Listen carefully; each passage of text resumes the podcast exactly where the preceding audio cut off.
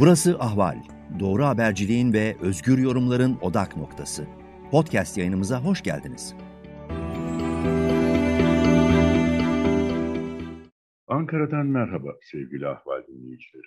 Ben Zülfikar Doğan. Yeni bir Ankara rüzgarında Türkiye gündemindeki gelişmeleri değerlendirmek için karşınızdayım. 17 Mayıs'tan itibaren Türkiye 18 günlük tam kapanma sürecinin sonuna gelmiş oluyor. Bununla beraber kademeli normalleşme önlemleri de açıklandı. Ancak önlemlere bakıldığında bu konuda yayınlanan İçişleri Bakanlığı genelgesine bakıldığında yasaklar büyük ölçüde devam ediyor. Pek çok iş yeri, işletme, esnaf e, iş yerlerini kapatmaya devam edecek. Restoranlar, kafeteryalar, lokantalar yine aynı şekilde sadece paket servisi yapabilecekler. E, kıraathaneler ve kahvehaneler de açılıyor. Alışveriş merkezleri sadece açılacak.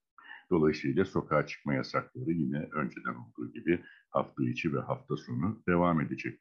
Tabii bu genelge bir yandan kafaları karıştırırken diğer yandan da tepkilere yol açtı. Çünkü e, bu süreçte gerçekten e, pek çok kuruluşun, işletmenin, küçük esnafın, orta boy şirketlerin artık dayanma gücü kalmadı.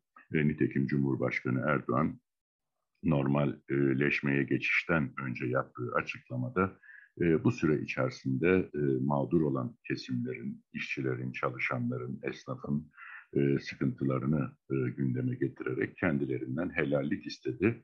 Ancak bu talep e, gerçekten ciddi bir karşı kampanyaya dönüştü. Helal etmiyoruz şeklinde sosyal medyada e, yaygın bir e, karşı kampanya gerçekleşti. Şimdi tabii Haziran başına kadar devam edeceği belirtilen bu kademeli normalleşmede e, yasakların büyük bölümünün devam edeceği ortaya çıkması tepkileri de beraberinde getirdi. E, Kıraathaneciler ve Kahvehaneciler Odası Başkanı 14 aydan bu yana kahvehanelerin kapalı olduğunu belirterek e, Cumhurbaşkanı'nın helallik çağrısına hakkımızı helal etmiyoruz karşılığını verdi. Yine Türkiye Esnaf ve Sanatkarlar Konfederasyonu Başkanı Bendevi Palandöken de hükümetten e, esnafın büyük bir adaletsizlikle karşı karşıya olduğunu dile getirerek tüm ödemelerin faizsiz olarak yıl sonuna kadar ertelenmesini istedi. Cumhurbaşkanına bu yönde bir çağrıda bulundu. Ancak şu ana kadar hükümetten bu taleplere bir yanıt verilmiş değil. Şimdi 17 Mayıs'tan itibaren kademeli normalleşmeye geçilecek ve tabii e, yasakların büyük bölümünün devam edecek olması da muhtemelen tepkileri e, artırarak sürdürmeye devam edecek. Bunun yanı sıra meclis açılıyor 17 Mayıs'tan itibaren. E, bu haftayı bir anlamda Sedat Peker haftası olarak da nitelendirmek mümkün. Çünkü e, kapanma sürecinde e, organize suç örgütü lideri yurt dışından beş ayrı video paylaştı. Bu videoda İçişleri Bakanı Süleyman Soylu'ya, eski İçişleri ve Adalet Bakanı Mehmet Ağar'a, e, oğlu AKP milletvekillerine e, bir takım e, suçlamalarda, ithamlarda bulundu. E, kendisine e, koruma verildiğini, devletin koruma verdiğini öne sürdü. E, buna benzer pek çok ithamda bulundu. Ancak e, iktidar cephesinden bu ithamlara fazla bir karşılık verilmedi. Cumhurbaşkanı Sözcüsü ve AKP Sözcüsü e, muhalefete daha çok yüklenmeyi tercih ettiler. E, bir suç örgütü liderinin e, iddiaları üzerinden siyaset yapmakla suçladılar muhalefeti. İçişleri Bakanı Süleyman Soylu da e, yaptığı açıklamada bir yandan dava açacağını, suç duyurusunda bulunacağını söylerken diğer yandan da muhalefet partilerinin liderlerini e, bir organize suç örgütü liderine sahip çıkmakla itham etti. Şimdi tabii e, baktığımız zaman meclis açıldıktan sonra bu iddiaların tamamıyla meclis gündemini kaplayacağını görüyoruz. Çünkü e, bazı CHP milletvekilleri İçişleri Bakanı Süleyman Soylu'ya yönelik olarak e, çok sayıda soru önergesi verdiler. CHP Genel Başkan Yardımcısı Muharrem Erkek de e, bu iddiaların e, meclis araştırma önergesi olarak genel kurul gündemine getirileceğini açıkladı.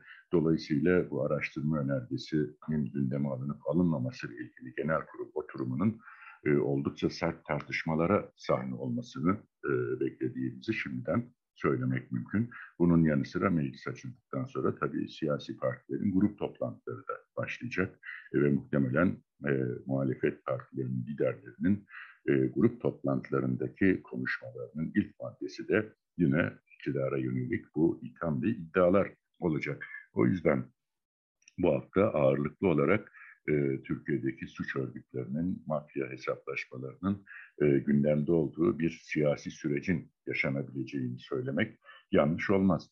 E, bunun yanı sıra tabii e, Filistin konusu iktidarın gündemindeydi. İsrail-Filistin çatışması e, başladıktan sonra e, Cumhurbaşkanı Erdoğan yoğun bir telefon diplomasisi gerçekleştirdi. Hükümet sözcülüğünden, Cumhurbaşkanlığından çok sert açıklamalar ve İsrail'e yönelik suçlamalar geldi. E, Erdoğan e, Putin'le son olarak da İran Cumhurbaşkanı Hasan Ruhani ile görüştü. Ancak şu ana kadar ortaya çıkan tabloya baktığımızda bu girişimlerden e, kınama dışında fazla bir somut sonuç alınabilmiş görünmüyor. Dışişleri Bakanı Mevlüt Çavuşoğlu da ümmet bizden liderlik etmemizi bekliyor. Türkiye üzerine düşen her şeyi yapmaya hazır dedi İslam İşbirliği Teşkilatı e, toplantısında üye ülkelerle yaptığı telekonferans e, toplantısında bu ifadeleri kullandı. Ancak e, elden gelenin ne olduğu e, konusunda e, ortada somut bir şey yok. Dediğim gibi şu ana kadar izlenen politika e, sert açıklamalar, kınama mesajlarının ötesine geçebilmiş değil. Tabii bunun da ötesinde hükümet bu konuyu biraz da iç politika amaçlı bir malzeme olarak e, kullanma eğiliminde öyle görünüyor. Çünkü e, işte sokağa çıkma yasaklarına rağmen binlerce kişinin e, sokaklara çıkmasına, İsrail'i protesto etmelerine göz yumuldu. Polis, bekçi hiçbir şekilde müdahalede bulunmadı. E, buna karşılık ceza da yazılmadı bu e, yasağı delerek sokağa çıkan binlerce kişiye.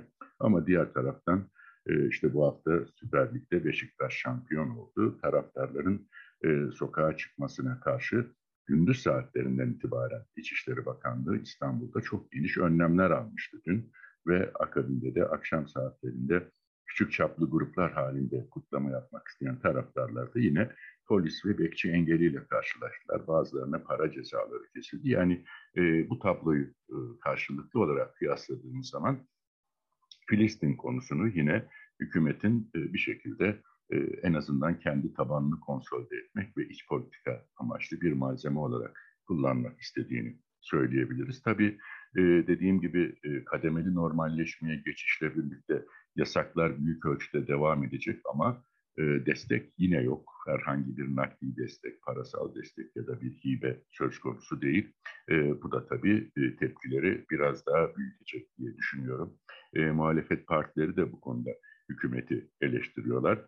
Ama buna rağmen ortaya çıkan tabloya baktığımızda bayram tatili nedeniyle piyasalar kapalı olmasına rağmen döviz kurlarında yukarı doğru bir hareketlenme e, görülüyor. O yüzden de yeni haftada para piyasalarında, döviz piyasalarında e, ciddi bir hareketlilik ve oynaklığın yaşanması muhtemel. E, kısıtlamalar devam ettirilirken e, herhangi bir destek sağlanamamasına yönelik tepkiler karşısında da iktidar bir tercih kullanıyor. Bunu söyleyebiliriz.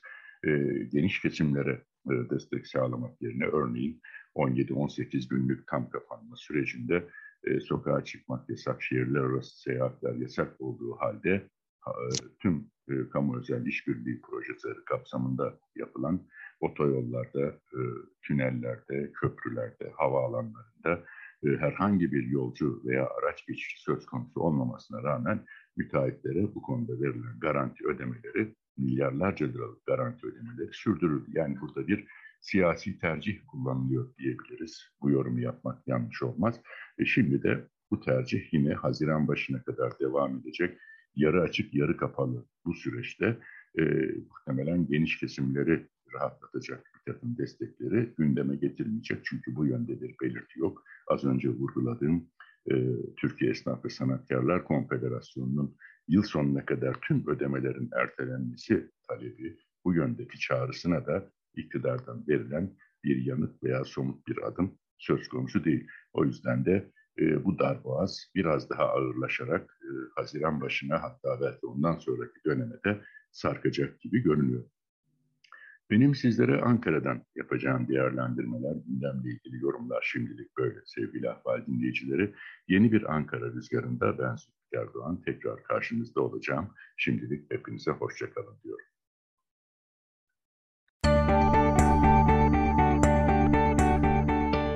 Ahval podcastlerini tüm mobil telefonlarda Spotify, SoundCloud ve Spreaker üzerinden dinleyebilirsiniz. Apple iPhone kullanıcıları bize iTunes üzerinden de ulaşabilir. Türkiye'nin ve hayatın cıvıl cıvıl sesleri Ahval Podcast dizisinde. Kulağınız bizde olsun.